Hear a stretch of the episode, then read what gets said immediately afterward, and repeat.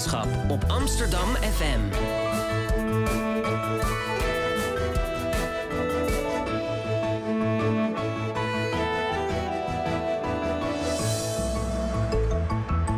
Radio Swammerdam. Een hele goede morgen en welkom bij Radio Swammerdam, het wekelijkse wetenschapsprogramma op Amsterdam FM. Mijn naam is Micha Melita en ik presenteer deze uitzending vandaag samen met Maribeth. Goedemorgen Maribeth. Goedemorgen Micha. Het seizoen is weer lekker op gang en we u welkom in deze eerste aflevering in het dossier uh, Baas in eigen brein. Dat is een nieuw dossier dat we dit jaar zijn gestart waarin we ons afvragen, zijn we ons brein en zo niet, wie is dan wel ons brein? Prangende vragen, maar vandaag uh, stellen we ons een andere vraag, namelijk wat hebben pornografie en spirituele ervaringen met elkaar te maken? Voordat uw fantasie helemaal op hol slaat, zal ik het antwoord onthullen. Beide thema's werden dit jaar onderzocht op Lowlands. En de onderzoekers die dat deden zitten vandaag bij ons aan tafel. Welkom allebei. Uh, leuk dat jullie er zijn, David Mai en Jolien Arendsen. Jolien, jij onderzocht uh, porno op Lowlands in uh, kleine kartonnen tentjes. Dat was een behoorlijk populair onderzoek. Wat waren de reacties? Yo, hier is pornoonderzoek, waar kan ik meedoen? Kom maar op. En dat ze zei, nou, het is heel druk, je moet een uur wachten. Nee, nee, nee, het is geen enkel probleem. Ik oh, kom oh, gewoon, ik kom voor dit pornoonderzoek. Wachten. Echt waar, het is echt ongelooflijk. En waarom wilden ze zo graag meedoen, weet je dat? Nou, ik denk, het is echt heel grappig. Mensen willen heel graag over porno praten. Ik, dat is echt waar mensen gingen dan wel deden ook interviews. En dan mensen waren heel erg blij dat ze erover konden praten. En vaak doen ze dat niet heel serieus met vrienden of met hun partner. Maar nu komt dat dus wel. Dus oh, jullie waren echt een soort uitlaatklep voor mensen? Voor dat heb ik echt meerdere keren gehoord, ja. Grappig. Nou, we gaan er ja. straks alles over horen. Want aan tafel hebben we ook uh, David Mai. Goedemorgen.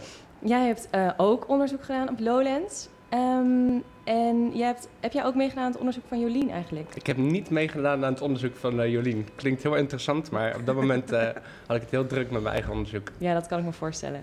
En jij praat misschien niet graag over je pornogebruik? uh, niet in het openbaar en al zeker niet op de radio. ja, dat zou ik ook niet van je vragen. Maar zo'n, want Jolien, jij hebt toen tentjes neergezet van karton. Dus ja. er werd een heel intieme sfeer eigenlijk gecreëerd. Ja, klopt ja. Ik kan me voorstellen dat je dan ja, dat je dan ook graag daarover wil kletsen. Ja, het was, het was heel grappig. Want wat we bijvoorbeeld wel eens hadden, dan kwamen een hele grote vriendengroep, weet je zo, echt van die beetje dronken mannen die heel tof met elkaar deden. Um, en dan zaten ze in dat tentje. En dan zit je in best wel een donker tentje, wat dan meteen heel intiem is. En dan heb je zo'n interview tegenover je die je vragend en warm en lief aankijkt. En dan begonnen die hele stoere dronken mannen echt heel lief te vertellen over waar ze van hielden. En dat was echt vaak heel open en heel, ook heel kwetsbaar. Dat was echt heel, uh, ja, zoet. heel mooi. Ja. En David, waar heb jij onderzoek naar gedaan? Um, we hebben onderzoek gedaan naar uh, ja, spirituele ervaringen. Die probeerden we op te roepen bij mensen door middel van een uh, placebo-godhelm. Oh ja, en die godhelm was gewoon een uh, snowboardhelm, begreep ik. Ja, klopt. Er waren ja, skatehelms eigenlijk. En die hebben we, ja, daar hebben we een hoop elektrische draden aan gehangen. En ja, dingetjes aan de binnenkant mooi gemaakt, zodat het er echt uitzag als een wetenschappelijk instrument. Hij glimde ook zilver. het zag er heel technisch uit. Maar er gebeurde eigenlijk niks. Er gebeurde eigenlijk niks, nee. Voelde je wel wat als je hem op had? Een soort schokjes of zo? Of, uh... Ook dat niet. Nee, het was echt uh, puur de suggestie. Dus mensen, we uh, hadden mensen ook vastgemaakt met hartslagplakkers en huidgeleiding. Om de ja, zweetrespons te meten. En daardoor zag het er in zijn geheel heel medisch en wetenschappelijk uit. Maar ja. in feite deden we niks, maar maten we alleen. Spannend. En was het ook een populair onderzoek? Ja, dat uh, hadden wij een beetje onderschat. Het was echt verschrikkelijk druk. We hadden de hele dag door een, uh, een rij. En uh, ja, het hadden we begin ook eigenlijk vooraf niet goed gerealiseerd. Dus als er luisteraars zijn die mee hebben gedaan van het onderzoek, nog excuses daarvoor.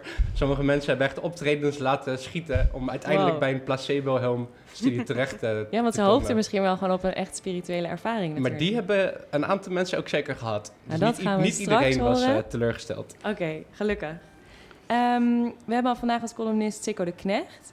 Hij gaat uh, straks een column voorlezen, maar hij is er nog niet. Hij zal uh, spontaan aanschuiven. Uh, oh, ik zie hem nu aankomen lopen. En Maribeth, wij presenteren vandaag samen. Zou jij ook eens onderzoek willen doen op Lowlands? ja, ik ben tien jaar geleden een keer op Lowlands geweest. En wat ik me vooral van kan herinneren is dat het heel druk was op alle paden de hele tijd. Ik denk dat ik het wel interessant zou vinden om onderzoek te doen naar um, naar die mensenmassa's, hoe, hoe, hoe die zich bewegen. Uh, en als je dat misschien van, van boven kan analyseren, dan kun je daar interessante dingen uithalen. Oké, okay, ik ja. ben vooral heel benieuwd of mensen dat rationeel doen? Of dat ze eigenlijk heel, zich heel dom door, de, door massa's bewegen? Nou, ik denk dat, ze het, dat de mensen zelf het wel rationeel doen, maar als je de mensen als bekijkt, dat ze dan heel voorspelbaar zijn. Oké. Ja. Nou, wie weet dus. Volgend jaar eh Maribeth op Lowlands. En eh Sikko is net aangeschoven. We horen jou Goedemorgen. eh, over 20 minuutjes met je column. Ben jij wel eens op Lowlands geweest? Ja, al tien keer. Tien keer? Ja, ik heb ook Oh. bij jullie standje gestaan, maar ik moest een beetje lang wachten om in een eh, tent porno te kijken. Dus ik dacht, nou, dan ga ik wel eh, Kijk naar de Eagles of Death Metal. Kijk je wel thuis porno, Precies. bijvoorbeeld. En eh, zou jij onderzoek willen doen op Lowlands? Eh, het lijkt me niet makkelijk. Nee. Het hangt een beetje vanaf wat je gaat doen. Ik denk dat wat hiernaast beschreven wordt, dat je als je naar een hele grote groep gaat kijken, waarschijnlijk eh, wel aardig werk kunt doen. Maar eh, psychologisch onderzoek met mensen die allemaal aan de ecstasy zijn of GHB, eh, dat lijkt mij, ja, zit er enige confound in, denk ik. Een uitdaging. Ja, uitdaging, dankjewel, dat woord zocht ik.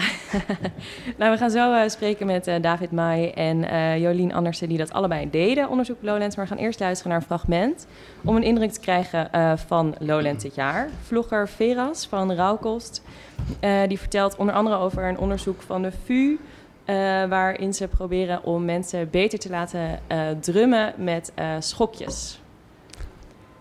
Welkom bij Rauwkost, mijn naam is Veras en vandaag ben ik op Lowlands. Terwijl ik nat gespetterd word, kan je hier heel veel doen.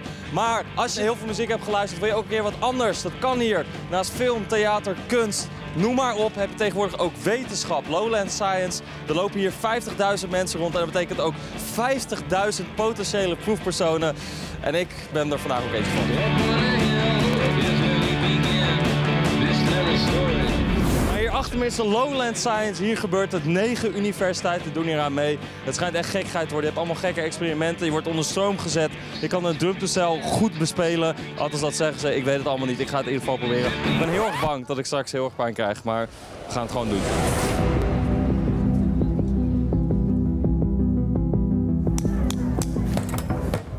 Zoals je kan zien kan ik echt niet drummen.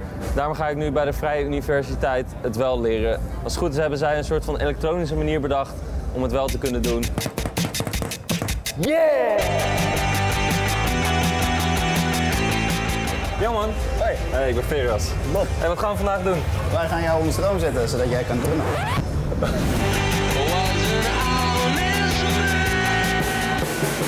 Dit is echt leuk. Hoe meer ontspannen je bent, hoe beter Hoe minder pijn het doet. hoe minder pijn en hoe beter het werkt. Oké, ik ben gewoon ontspannen. Oké, kijk, hiermee kan ik je harder zetten en hiermee kan ik zachter zetten. Mooi, dan kan ik dat. Ah! Ah! Oh, sorry. Sorry dat ik de zelf doe. Ah, dat deed pijn, dude. Dat is pijn. Ja. Oké, Godverdomme. waar, waar denkt die pijn? Ja, gewoon. Er was gewoon, hij was gewoon gelijk al pijn. Oké, oké, dan beginnen we nog rustig. Ja, dankjewel. Deze reactie hebben we nog nooit gehad. Maar niemand, niemand reageert zo. Je wil zeggen dat ik gewoon een fucking mietje ben. Ja, dat Oké, thanks. thanks. Ah! Ah! Is dit wat te veel? Nou, dit kan wel, maar het is een heel vervelend kutgevoel. Denk je dat je meer stroom kan hebben? Ja, ik heb niet echt een keuze, toch? Je gaat er toch bij mij doen. Ah! Ah! Ah! Te veel? Ah, ja, te veel! Too much! Ah! Hij is weer terug. Hij is weer Ah, dit is kut! Ja. Nu hoef je niks meer te doen. oké. Ik ga dat ding starten. Ik ga gewoon heel rustig beginnen. Oké, komt ie. Ah! Kijk. Niet hoger, alsjeblieft niet hoger. Hij gaat hem hoger doen, ik weet het.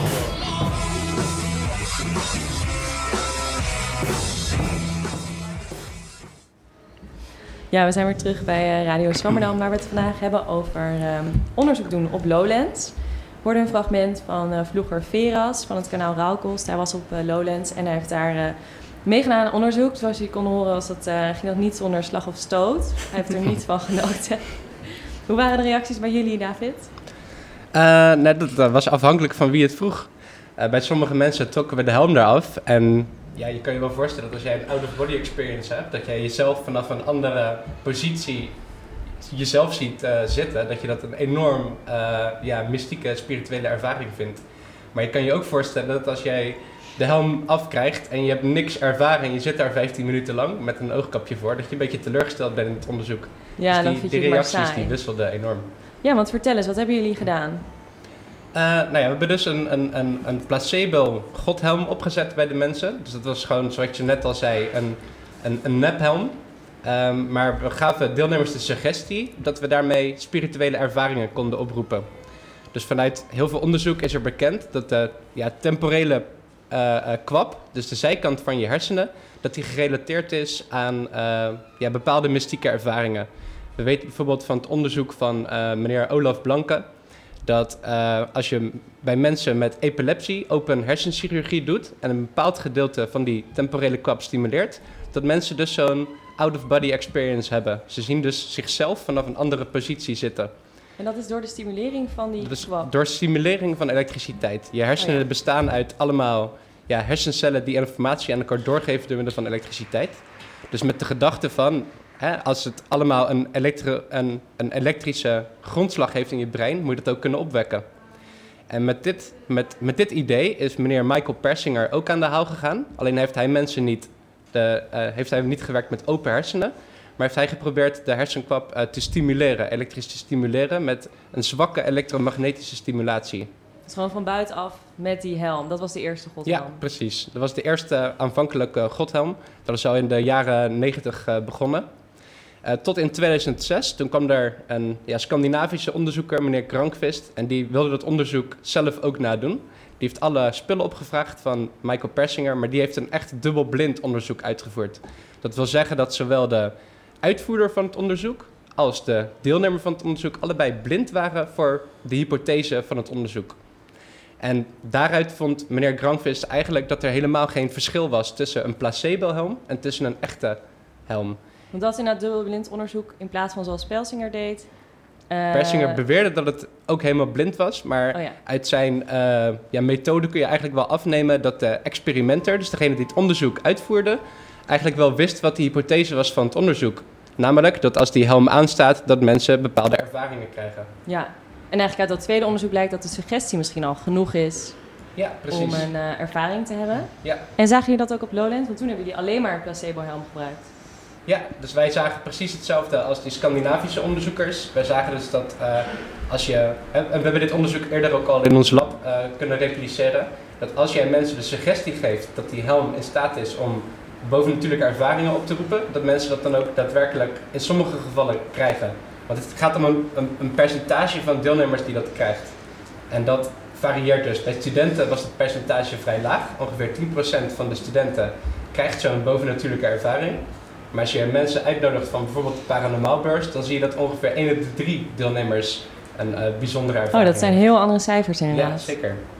En op eh, Lowlands, hoeveel waren het er toen ongeveer? Daar spreken we ongeveer tussen de 20 en 25 procent van de deelnemers die echt eh, ja, heel bijzondere ervaringen rapporteren. En wat is zo'n ervaring bijvoorbeeld? Eh, nou, zo net noemde ik al de out-of-body experience, maar je hebt ook ja, een, een, een- een meisje die had heel emotionele ervaringen. Die, die voelde dat zich, zij zichzelf eh, vanuit een, in de derde persoon werd toegesproken door haarzelf. We hebben ook een meneer gehad die voelde dat zijn hoofd heel zwaar werd en die kon het eigenlijk niet meer terugduwen. Eh, ja, we hebben dus ja, heel vreemde uiteenlopende ervaringen gehad. Maar wat interessant, want mensen bedenken dus dan, of ze bedenken natuurlijk niet een ervaring, maar het zijn ervaringen die heel erg uiteenlopen. Terwijl je denkt dat de suggestie eh, zorgt ervoor dat mensen een ervaring hebben, maar niet per se welke ervaring ze dan hebben. Nee, precies. Dus wij geven, wij noemen, wij geven hun een papiertje mee waarop staat van nou, Michael Persinger heeft dit onderzoek uitgevoerd. Dus dat is die meneer die met de echte helm werkte. En eh, ja, daar houden we het eigenlijk heel erg open wat die mystieke ervaringen inhouden. Dus we zeggen van mensen hebben uiteenlopende spirituele mystieke ervaringen. En op die manier kunnen, laten we dus helemaal vrij wat het, wat het brein ermee doet, zeg maar. Dus wij geven de suggestie dat er een mystieke ervaring kan opkomen. En het is helemaal aan de deelnemer wat er dan daadwerkelijk plaatsvindt. Of in de meeste gevallen dus niet, hè. In Ja. de meeste deelnemers eh, gebeurt er niks. Maar een aantal mensen, daar gebeurt er dus wel bij wat. Want je zei al dat eigenlijk 10% van de studenten die jullie in het lab onderzochten had maar een ervaring. Ja. Waarom denk je dat studenten, dat zijn dan studenten psychologie denk ik, Ja. waarom denk je dat die minder vaak een ervaring hebben? Ten eerste omdat ze ja, kritisch worden opgeleid naar onderzoek. En we merkten ook achteraf, hè, achteraf vraag je van, eh, wat denk je nu precies dat het doel was van ons onderzoek? En we hadden daar dus twee condities, een helm-aan conditie en een helm-uit conditie. En in de helm-aan conditie dachten mensen dat wij de helm misschien stiekem uit hadden gezet. En in de helm-uit conditie dachten de mensen dat wij misschien stiekem eh, de helm aan hadden gezet. Dus, Oh ja, dus ze kennen het placebo-effect eigenlijk te goed, of placebo-onderzoek. ze weten eigenlijk wel wat het, wat het doel is van onderzoek. En bij, hun, eh, bij hen is er veel meer het idee van... oké, er, er is waarschijnlijk een placebo-conditie. Ja, precies. Voor de, naïeve on- voor de naïeve deelnemer is dat idee veel minder sterk aanwezig. En, En hebben jullie dan ook gevraagd van tevoren aan die mensen of ze bijvoorbeeld gelovig zijn of, eh, sp- of spiritueel? Ja. En Ja. is daar nog een soort van verband in te zien? Mensen die gelovig zijn, die Zeker. dat meer zien? Ja, dus eh, religieus geloof maakt in dit opzicht niet zoveel uit. Dus als jij religieuzer bent, heb je niet per definitie meer ervaring. Als jij aangeeft aan ons van tevoren dat je meer open staat voor mystieke ervaringen, dat je gelooft in paranormale verschijnselen, dan is, de, eh, is het ook aannemelijker dat jij ook daadwerkelijk zo'n ervaring krijgt. Ja. Dus eigenlijk de verwachtingen die mensen hebben, eh, die worden, ja, die komen ook vaak tot uiting. ja, daarom kan ik me ook voorstellen dat paranormaalbeurs eh, heel veel mensen zo'n ervaring hebben. Ja. Dus dat is voor jullie een leuke plek om onderzoek te doen. Eh, ja, dat, dat, is, dat is sowieso echt een fantastische plek om eh, rond te lopen. dat kan ik iedereen aanraden. Ga Eh, eens naar de paranormaalbeurs. Met alle respect hoor, het is echt, het is echt heel, gewoon heel, heel leuk om daar rond te lopen. Maar het is voor ons ook een heel interessante populatie. Omdat wij onderzoek doen naar geloof in bovennatuurlijke krachten. En dat geloof is gewoon in mindere mate aanwezig op, eh, op het publiek van de universiteit. Dat is gewoon zo. Ja. En maar dan kan ik me ook voorstellen dat als je op een paranormaalbeurs bent en je krijgt zo'n helm op en je hoopt op een mystieke ervaring en misschien gebeurt dat ook. En iemand vertelt jou vervolgens, dit was een placebo-studie, dat je misschien ook erg teleurgesteld bent. Zeker, ja. Het, het, het is, dit onderzoek was enorm moeilijk wat dat eh, opzegt. Want we, stel je voor dat wij nu op het, op het onderzoek zelf al, op, op Lowlands hadden gezegd van het werkt niet. Dan gaat het als een lopend vuurtje. Het hoeft maar één keer op social media gepost te worden en ons onderzoek was gewoon teniet gedaan. Dus wij moesten vijf dagen later, hebben wij iedereen een eh, berichtje gestuurd via de e-mail waarin we ze debriefed hebben. Dus dan vertel je het daadwerkelijke doel van het onderzoek. En eh, ja, daar heb ik een aantal negatieve reacties op gehad. En dat kan ik me ook heel goed voorstellen. Hè, mensen die hebben misschien toch een optreden gemist door bij die helm te zijn en gelijk in een placebo-conditie Ja. te zitten. Eh, daar hebben we ook onze excuses voor aangeboden. En we hebben een aantal eh, deelnemers nog een keer een, een kaartje gestuurd voor volgend jaar. Dat hebben we per loting gedaan. Oké. Want er, maar als je dus wel echt een mystieke ervaring hebt gehad, dan ben je misschien wel blij dat je... Ja. En, er, en het zijn mensen die dolgelukkig waren. Eh, we hebben ook een keer iemand gehad in het lab die had last van oorsuis al de hele leven lang. En door toedoen van, het, van de helm had ze geen oorsuis meer. Dus voor sommige mensen heeft het een, een enorme eh, helende werking, die helm. Al- Of suggestibiliteit of placebo, hoe je het noemen wilt.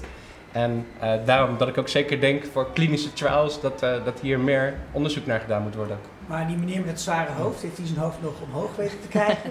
ja, ja, Zijn er ja. mensen bij die nu een tweede persoonlijkheid hebben of valt het mee eh, qua schade? Eh, nou, dit- dat is een goed punt. We hebben die schade achteraf eh, ge- geprobeerd te inventariseren. We hebben te- met die debriefing hebben we nog een aantal vragen gesteld. Daar kwam vooral naar voren een half uur, ongeveer een uur tot na de helm, waren mensen wel echt nog overrompeld door het effect. Maar wat wij begrepen is er geen blijvende schade eh, achtergebleven door het toedoen van de placebo-helm.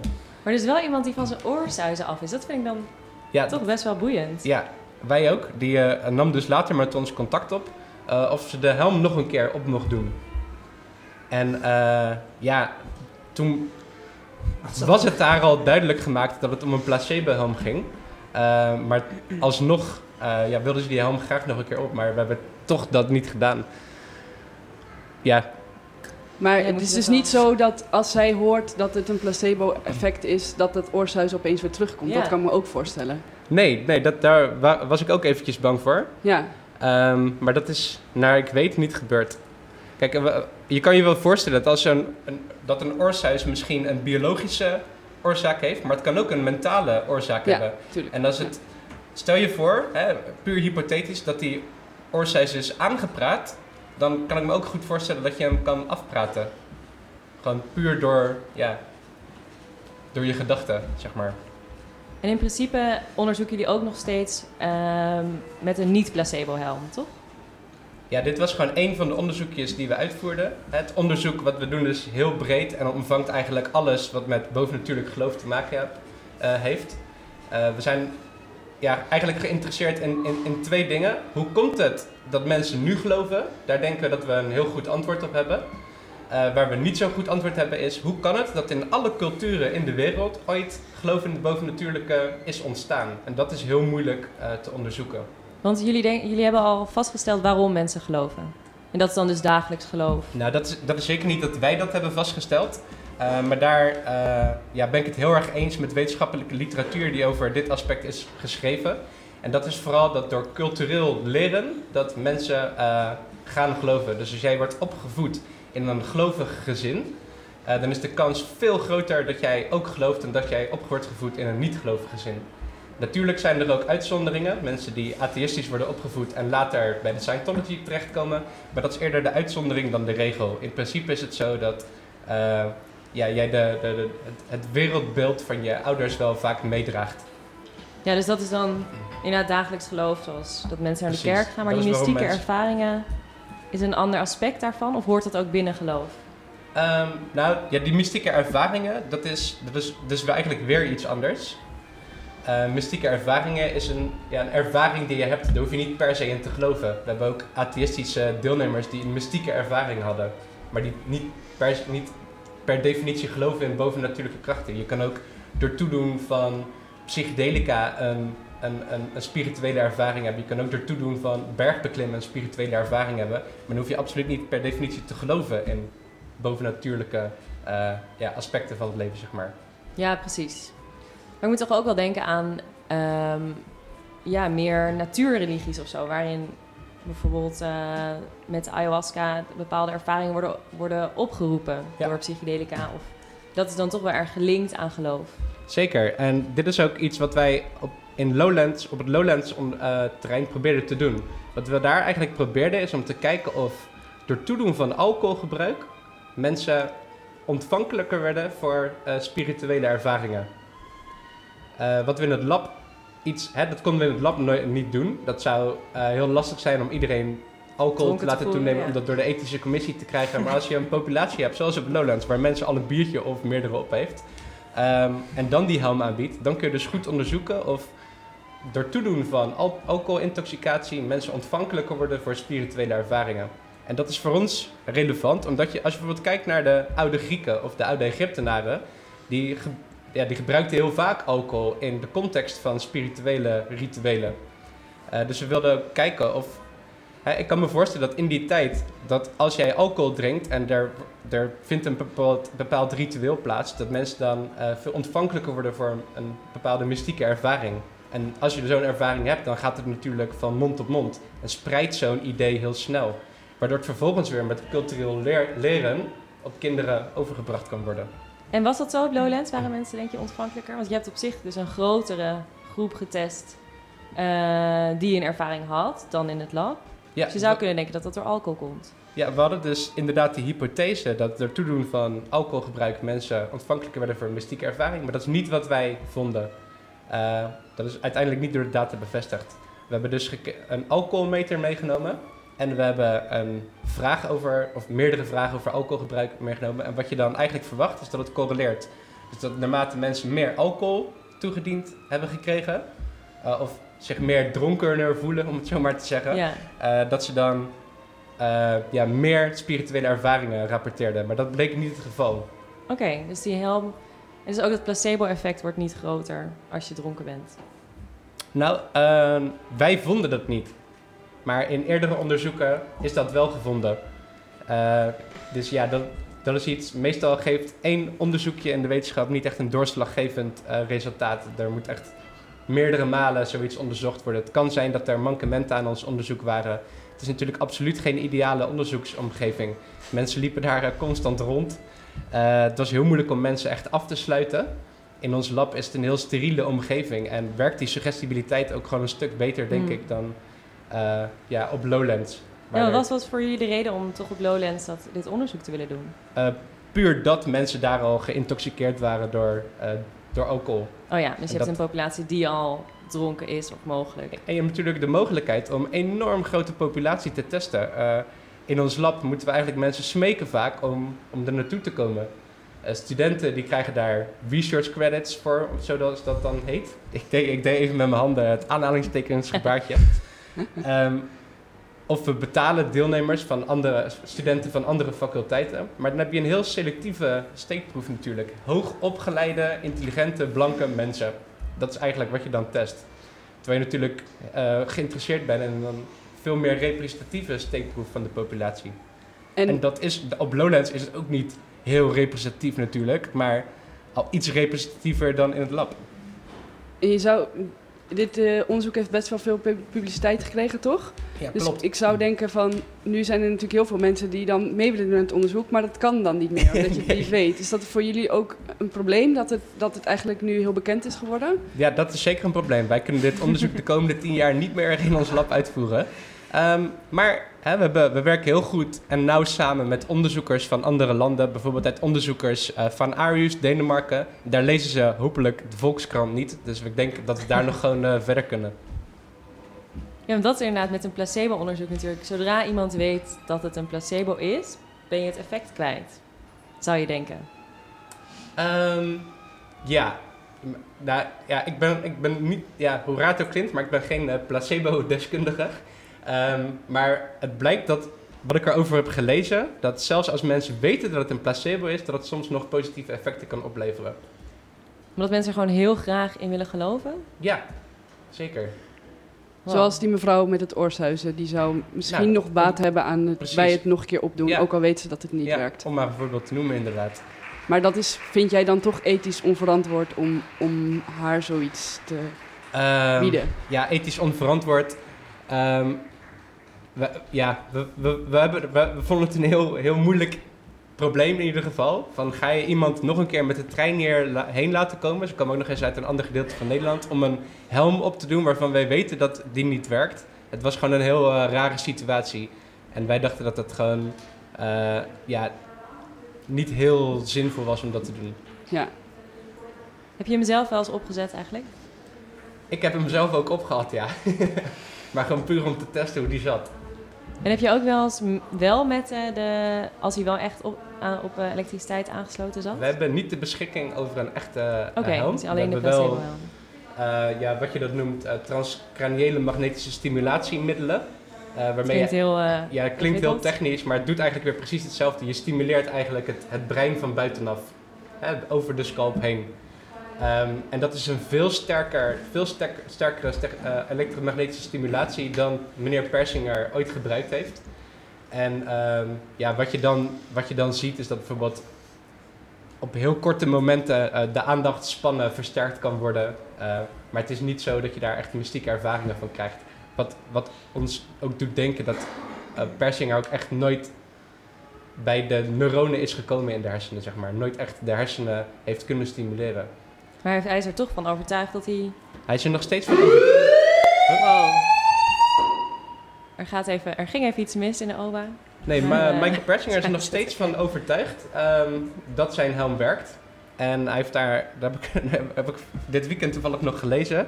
Hij gelooft dus dat je en door suggestibiliteit, maar ook door toedoen van de helm alleen, ehm, bijvoorbeeld de feeling of a presence kan oproepen. De feeling of a presence is het gevoel dat, je, dat er iemand aanwezig is. Stel je bijvoorbeeld voor dat je thuis zit en het is donker, je hebt een horrorfilm gekeken en dan ga je in je eentje naar bed, bent in je eentje thuis, je hoort de trap kraken. Nou, wat denk je dan? Ja, gewoon dat ik vermoord word binnen 10 seconden waarschijnlijk. Waarschijnlijk dat er iemand anders aanwezig is. De feeling of a presence. En dit kun je dus oproepen met, een met een helm. En zien we ook heel vaak in het lab gebeuren met die placebo-helm. Dus En dan hebben hij- mensen het, omdat ze zitten afgesloten in die helm, en hebben ze het gevoel dat er iemand in de ruimte is. Ja, ze hebben het gevoel dat er nog iemand anders is. Ja. Dus ze, vroegen, ze vragen dan aan ons, dan doen we de helm af en dan zeggen ze, liep je hier rond? Maar dat, dat, wij zitten in een andere ruimte. Wij bekijken hun alleen met een cameraatje, dus dat is helemaal niet het geval. Nee. En dat is dan weer een heel... Ja, het zijn, dat vind ik boeiend, dat het zoveel andere mystieke ervaringen zijn.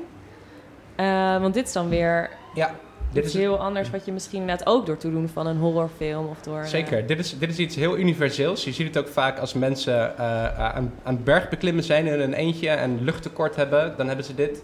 Ehm, ik heb het zelf. Vroeger had ik het altijd. Als ik naar voetbal ging, dan moest ik door een donker stukje bos. Nou, dan had ik altijd het gevoel dat er nog iemand anders was in dat bos. Dus dit is een heel eh, een, ja, een universeel kenmerk, zeg maar. Waar we echt heel geïnteresseerd in zijn. Dit proberen we nu ook eh, eh, met, door middel van virtual reality te onderzoeken. En eh, wat we dan doen, is we laten mensen door een donker bos lopen. En dan mogen ze op een knop drukken als ze het gevoel hebben dat er nog iemand anders is in die virtuele, virtuele wereld. Oké. En dan zie je dat ze inderdaad, als we ze door een donker eng bos laten lopen, dat ze dat veel vaker hebben bijvoorbeeld dan dat als ze door een niet eng bos lopen. Maar dat is weer inderdaad heel ander onderzoek, maar toch ook een soort helm. Een Ja. soort eh, afsluiting van eh, de wereld. En dan kan er iets in je hersenen gebeuren waardoor je een ervaring krijgt. Ja, het afsluiting is niet, is, is niet per se nodig, denk ik, meer het gevoel dat je alleen hebt. Ik denk dat dat al een sterke... Ja. En eh, op de paranormaalbeurs, daar heb je dus mensen die denk ik nog eh, ontvankelijker zijn. Ja. Eh, wat voor ervaringen zag je daar? Zijn die ook vergelijkbaar met andere ervaringen? Nou, we hebben daar niks uitgevoerd. We hebben daar mensen gerecruiteerd. Dus we hadden de helm daar gaan liggen, we hadden een eigen stalletje en we probeerden mensen eigenlijk eh, ook door middel van een geldbeloning naar ons lab te lokken, om het zo maar te zeggen. om te kijken of zij mee wilden doen met het, met het onderzoek. En dat is, dat is gelukt. We hebben er eh, ja, een, redelijk aantal kunnen testen in het lab. En eh, ga je volgend jaar weer naar Lowlands? Dat is wel mijn wens eigenlijk, om daar nog een onderzoekje uit te voeren. Eh, wat we, waar we het daarover hadden, is dat eh, eh, als je op de dansvloer staat, dan kun je ook een soort van mystieke ervaring krijgen. Dus we willen nu eigenlijk iets proberen te gaan regelen, ehm, dat we bijvoorbeeld fysiologische metingen, bijvoorbeeld hartslagmetingen verrichten, als mensen op de dansvloer zijn. Dus dat ze eigenlijk de hele tijd over Lowlands rondlopen en dat we dan metingen verrichten. Bijvoorbeeld door middel van appjes of door middel van fysiologische metingen. En dat als mensen zelf aangeven dat ze een, ja, een soort van spirituele ervaring hebben, kan ook door drugsgebruik, dat, ze, dat wij daar dan eh, ja, metingen over binnenkrijgen. Ja, daar wilde ik eigenlijk nog wat over vragen. Want ik hoorde laatst iemand zeggen dat festivals de nieuwe kerk zijn. Omdat mensen niet meer naar de kerk gaan, maar ze gaan wel naar festivals om daar iets, iets soortgelijks te beleven. Hoe denk jij daarover? Ja, daar kan ik me helemaal eh, in vinden. Ik ga zelf ook niet naar de kerk, eh, maar wel naar feesten.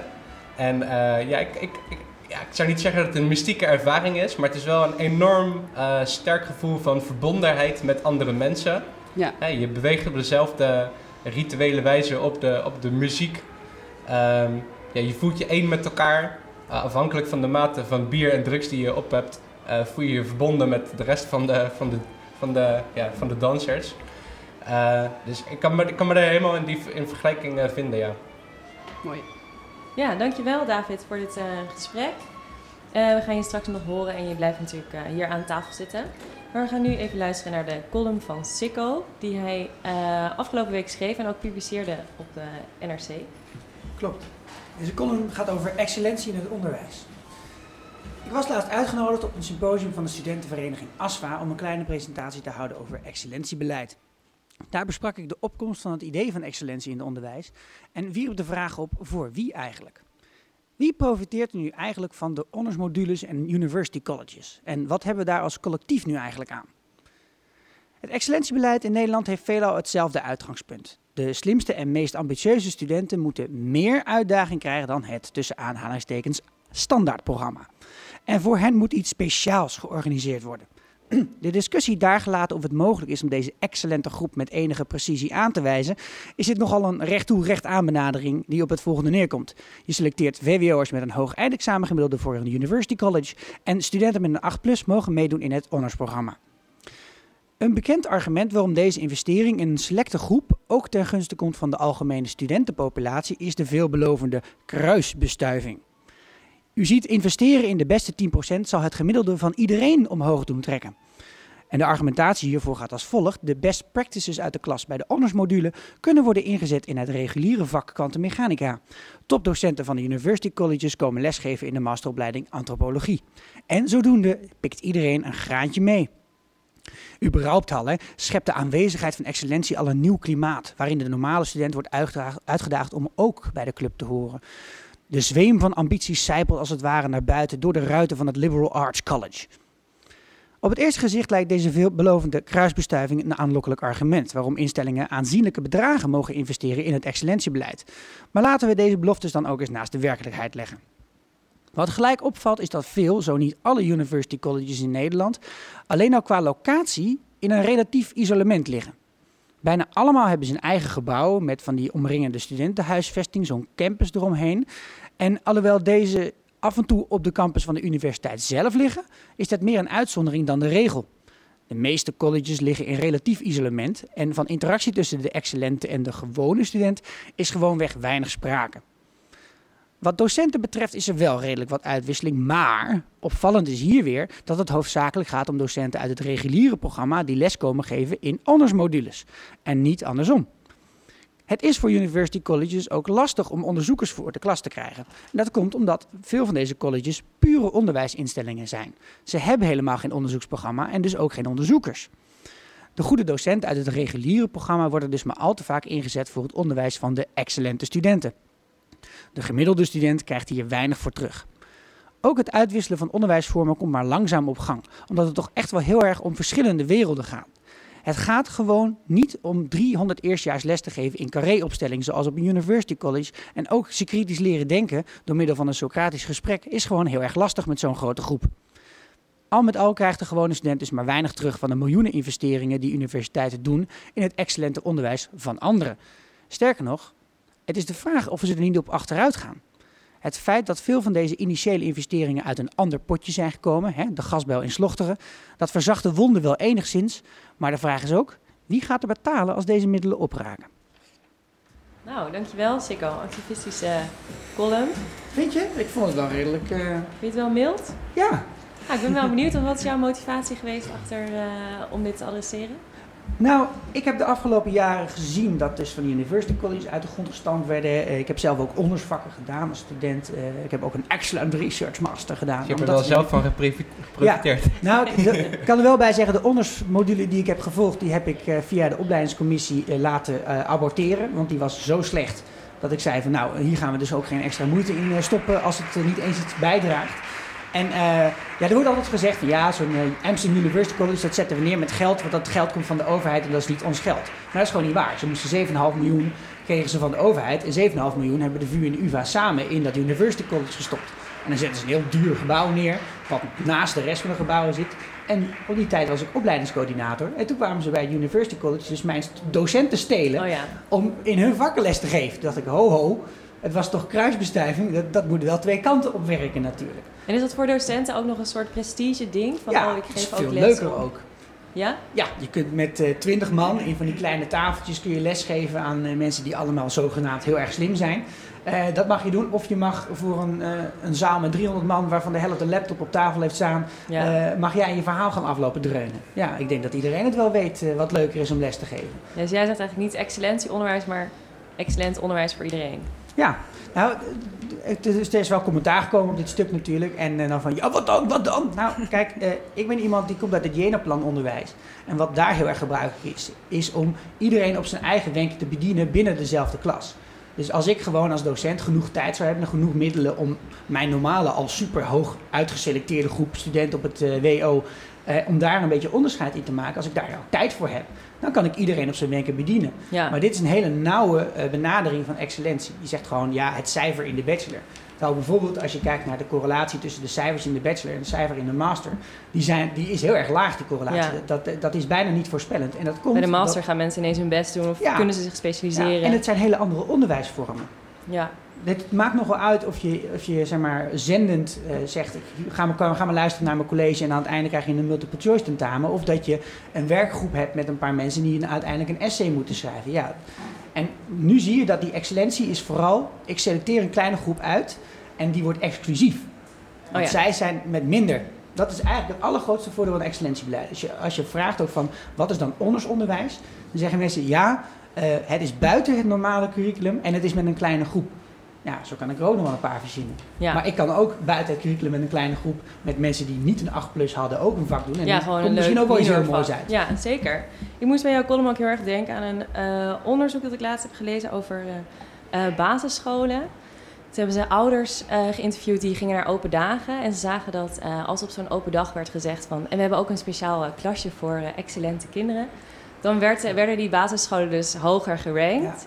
Terwijl als ze zeiden, we hebben ook een, eh, een speciaal klasje voor als uw kind misschien niet zo goed doet of dyslectisch blijkt of zo. Ja, dat is, oh, En dan is het zo van, oh ja, maar niet mijn kind. Dus we willen allemaal blijkbaar ook excellent zijn of we willen horen bij een kleine groep.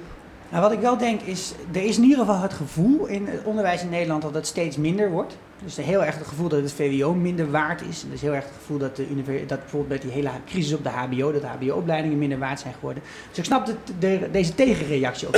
Want dan moeten we ook iets excellents daarna doen. Maar men ziet volgens mij niet netjes op het netvlies dat de investering in het onderwijs alleen maar een klein beetje afneemt. En dat de minister hele mooie sier maakt door 10 miljoen vrij te maken voor een Mhm. heel klein projectje. Terwijl hij eigenlijk een half miljard vrij moet maken om voor iedereen het onderwijs goed te maken. Ja. En in Amerika is dit doorgeslagen dat je echt op de high schools heb je inderdaad van dat soort klasjes. En dat is alleen maar voor kinderen wiens ouders daar 2000 euro per kwartaal voor over hebben en kunnen betalen.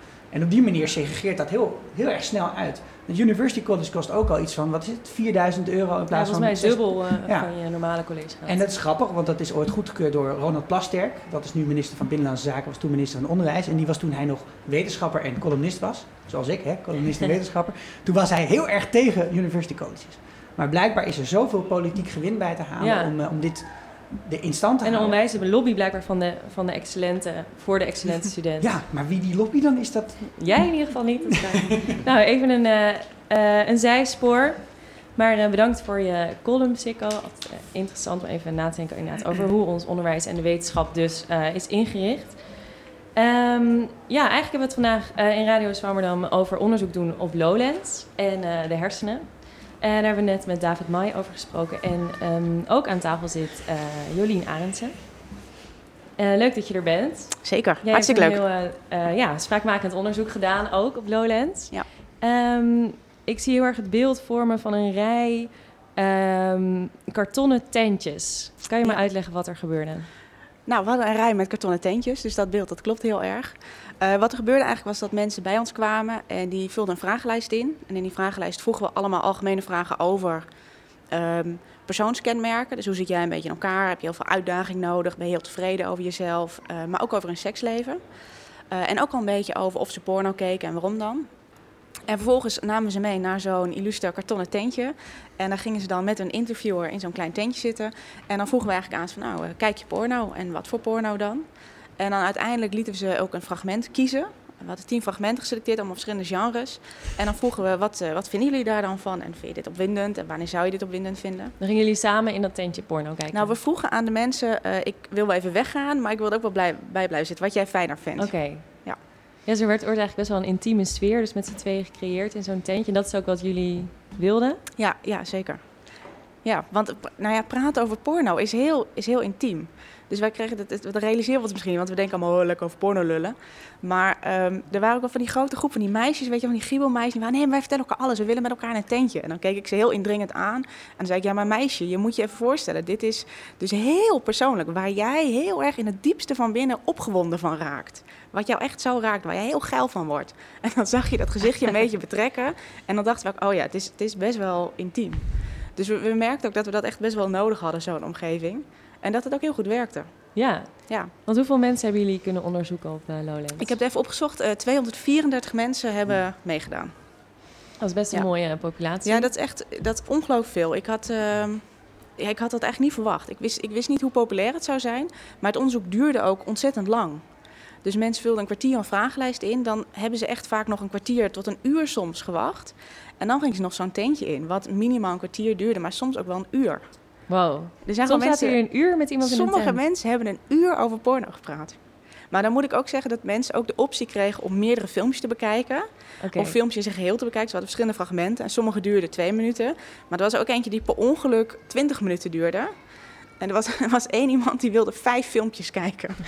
dus die onderzoeker die bij, in de tent zat, bij die jongen in de tent zat, die was echt, oh mijn god. En het, verhaal- het gaat maar door. En hij wilde nog een kijken en nog een. Dat maar hij had wel, gewoon eh, geen internetverbinding thuis of zo. geen idee. Hij zat er echt helemaal in. Dat was echt eh, heel Onderzoeker fascinerend. heeft tien keer hetzelfde filmpje gezien. Nou, sowieso. Wij zijn echt helemaal eh gedesensiteerd. Wij zijn helemaal immuun ervoor nu. Ik ben toch wel Ja. benieuwd naar wat voor type filmpjes ze mochten kijken. Ja, dat was, dat was heel moeilijk. Want je, daar hebben we natuurlijk heel erg ook in de literatuur gekeken. Wat voor onderscheid in porno heb je allemaal? Dat gaat alle kanten op. Dus we hebben eigenlijk een beetje op eigen gevoel dat gedaan. We dachten tien filmpjes, dat is mooi. En hadden we zo'n soort van screenshot gemaakt. En we hadden dan ehm, iets romantisch. We hadden iets wat een beetje zo hardcore... Achter was iets homo's, iets lesbisch, iets met een verhaal erin, een celebrity. We hadden een blowjob video, wat dan een beetje leek op een soort van ehm, instructie. Want we weten uit de literatuur dat mensen ook wel porno kijken om dingen te leren. Eén filmpje wat ik zelf heel leuk vond was eh, animatie, Japanse hentai. Oh, Wat heel bizar is. hentai? Wat is hentai, dat? ja, ik ken dat zelf eigenlijk ook niet. Ehm, maar dat, ja, dat is van het Japans met van die grote ogen. En het begint altijd heel onschuldig met een kamermeisje met van die grote ogen. Dan komt er iemand binnen. En dan gaat het ineens over in extreem expliciete, realistisch getekende, ingezoomde pornobeelden. Ingezoomd. Dat is echt waar. Ik kan jullie allemaal wel wat Oh, sturen ja. straks. Het is heel, We heel gaan hier straks even het onderzoek eh over doen. Ja, is goed. Ja. Nou ja, ik vind vooral die, eh, die teentjes heel erg goed bedacht. Want wat David Ja. eigenlijk al zei, van dat het lastig is om op zo'n festival eh, een sfeer te creëren dat, dat mensen echt afgesloten zijn. Nee, dat was, dat was ook zo. En je, je merkt wel soms... eh, we stonden vlakbij eh, de theatertent, geloof ik. En dan één keer in de zoveel tijd dan kwam er zo'n heel hard muziekje als, als introductie. En dan af en toe moest je wel even... We hebben alles audio opgenomen, dus dat, hoor- dat hoor je soms ook. Maar over het algemeen werkt het heel goed. En ik denk wat ook heel erg hielp... We, hebben, we, waren met een team van twaalf onderzoekers. En we hebben iedereen ook best wel getraind daarin. eh, van je moet super open zijn. Dus mensen begonnen wel eens heel giebelig. Dat zeiden, ja, eh, ja, ik lees erotische verhalen. En dan een beetje zo ja, beschaamd bijna. Maar dan zit dus iemand die zegt, ja, oh nou, wat interessant. Oh, wat goed zeg. Ja, dat kan, ja leuk. En dan, dan maakt ook dat mensen dus heel open waren. Ja, want kun je al iets zeggen over wat er ongeveer is uitgekomen of wat, eh, wat je opviel aan de data? Ehm, wat, me nou, wat me opviel is dat ehm, eigenlijk iedereen die in, in die tentje kwam, eh, alle mannen keken porno. En heel veel vrouwen keken ook porno. Ik denk 60 tot 70 procent. Eh, maar wat je wel ziet is dat ehm, mensen niet altijd even regelmatig porno kijken. Eh, als mensen porno kijken, dan doen ze dat het liefst alleen. Het liefst thuis en het liefst op de computer. Televisie, dat wordt, eh, dat weet je wel, andere media. Telefoon is nu een beetje, maar eigenlijk allemaal de computer. Ehm, en je ziet ook wel dat als ze het delen met mensen, of als ze het alleen kijken, dan doen ze dat met verschillende motieven. Dus mensen kijken het alleen omdat ze opgewonden willen raken of omdat ze willen klaarkomen, ze daar een soort van ondersteuning bij nodig hebben. Als ze eh, met vrienden kijken, dat doen mensen ook wel, maar dan is het allemaal voor de grap. Vaak. Oh ja. Dat doen we niet zo serieus. En als we met onze partner kijken, dan is het om in de stemming te komen. En soms ook een beetje inspiratie eh, op te doen. Ehm, maar ik, dat, dat vond ik wel interessant. En wat ik ook heel grappig vond, ehm, is dat het zo compleet verschillend is waar mensen van houden. Het is echt maar ongelooflijk. Dan vragen ze van, nou, ja, kijk je als porno en wat vind je dan belangrijk daaraan? En dat is echt, nou, mensen zeggen bijvoorbeeld, ik vind de beeldkwaliteit heel belangrijk. Ik kijk alleen maar HD. Het maakt niet uit wat, als het maar HD is. eh, Dan moet je beelden. 80 euro betalen per maand als het maar HD Ja, is. als het maar HD is. Ook mensen zeggen, ja, heel realistisch, dat hebben we heel vaak gehoord. Dat geldt voor vrouwen, maar dat geldt ook eigenlijk meer voor mannen. Ehm, vrouwen vinden ook dat het een beetje vrouwvriendelijk moet zijn. En daardoor kijken ze ehm, regelmatig ook lesbische porno. Oké, nou Dus het idee dat vrouw- daar... Ja, dat het iets eh, softer is. Dus dat, dat, dat hoorden we een paar keer.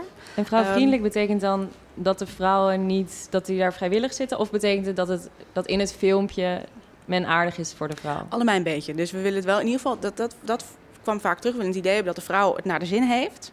Ehm, en dat het niet alleen gaat voor vrouwen dan om het genot van de man. Ja, precies.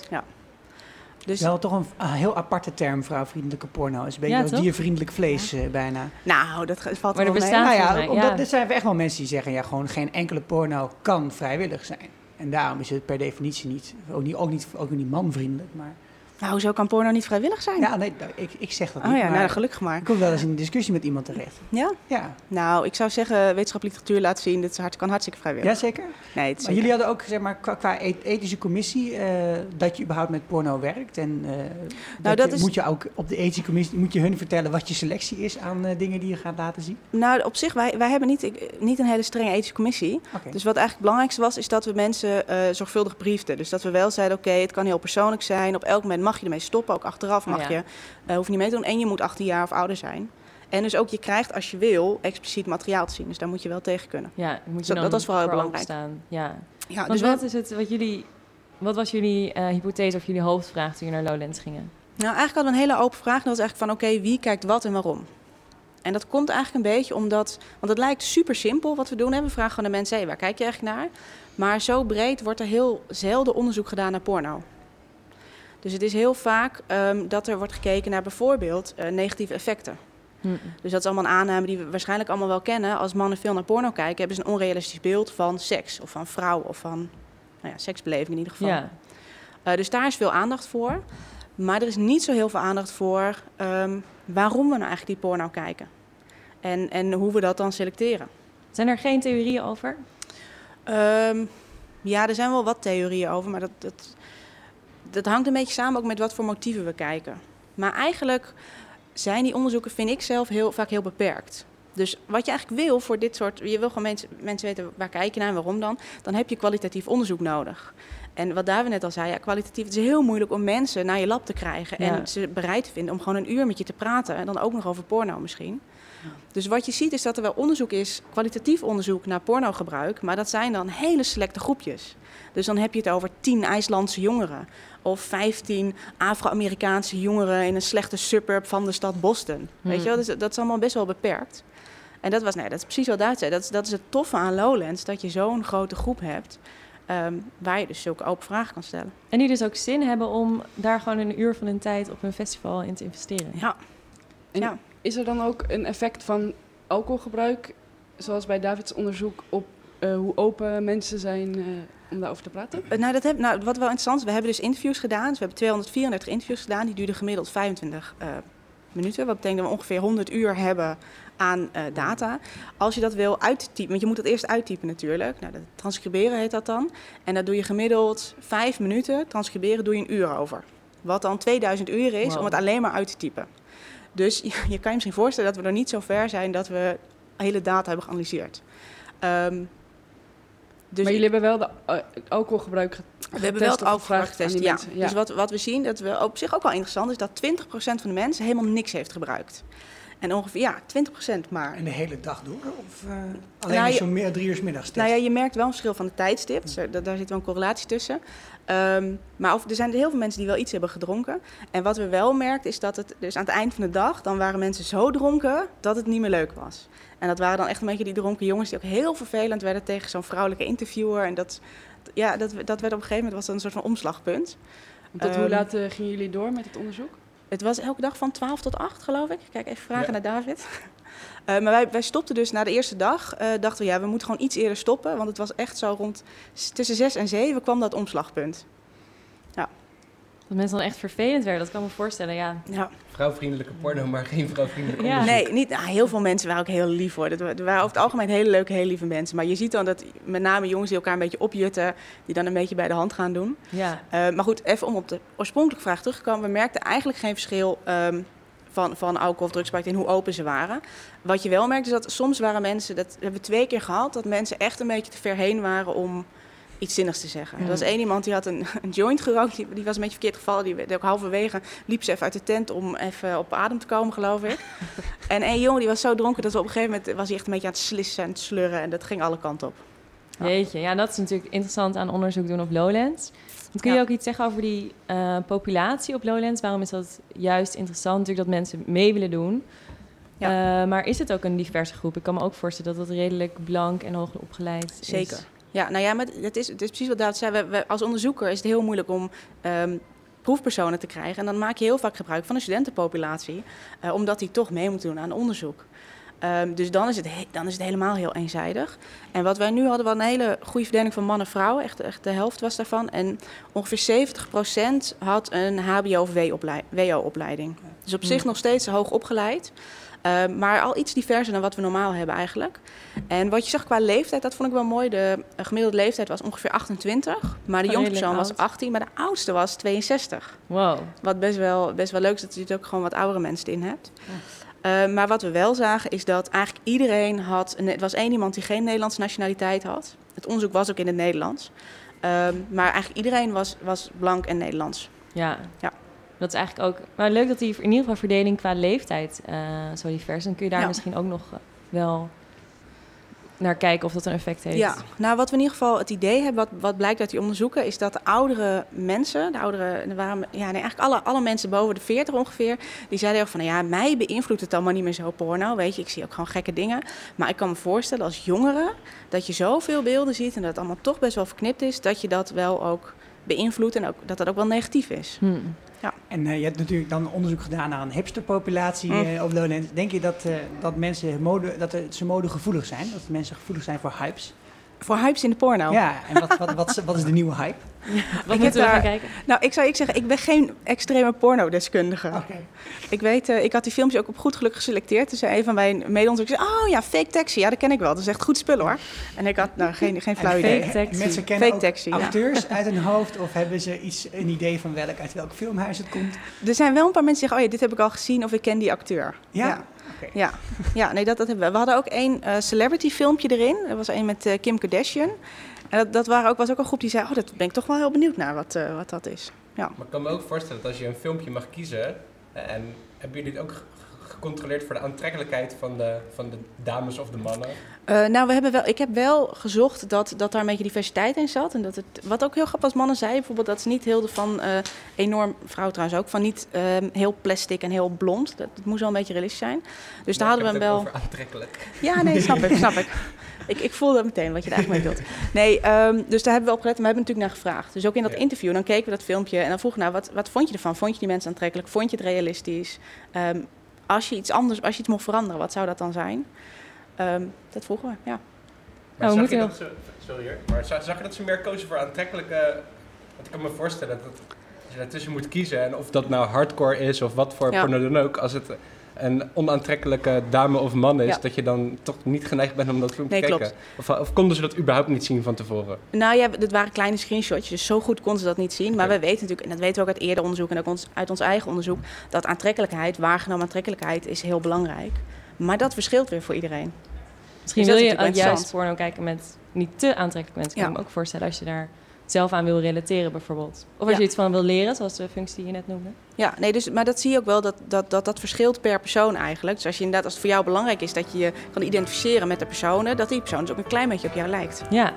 Ja. Nou, we gaan in ieder geval afwachten wat de resultaten zijn. Ja. Ehm, en eh, zoals jullie horen zijn we een beetje aan het einde gekomen van deze uitzending. Eh, ik hoop dat er nog heel veel leuk onderzoek wordt gedaan op Lowlands en misschien op andere festivals. Het klinkt als best wel een succesformule.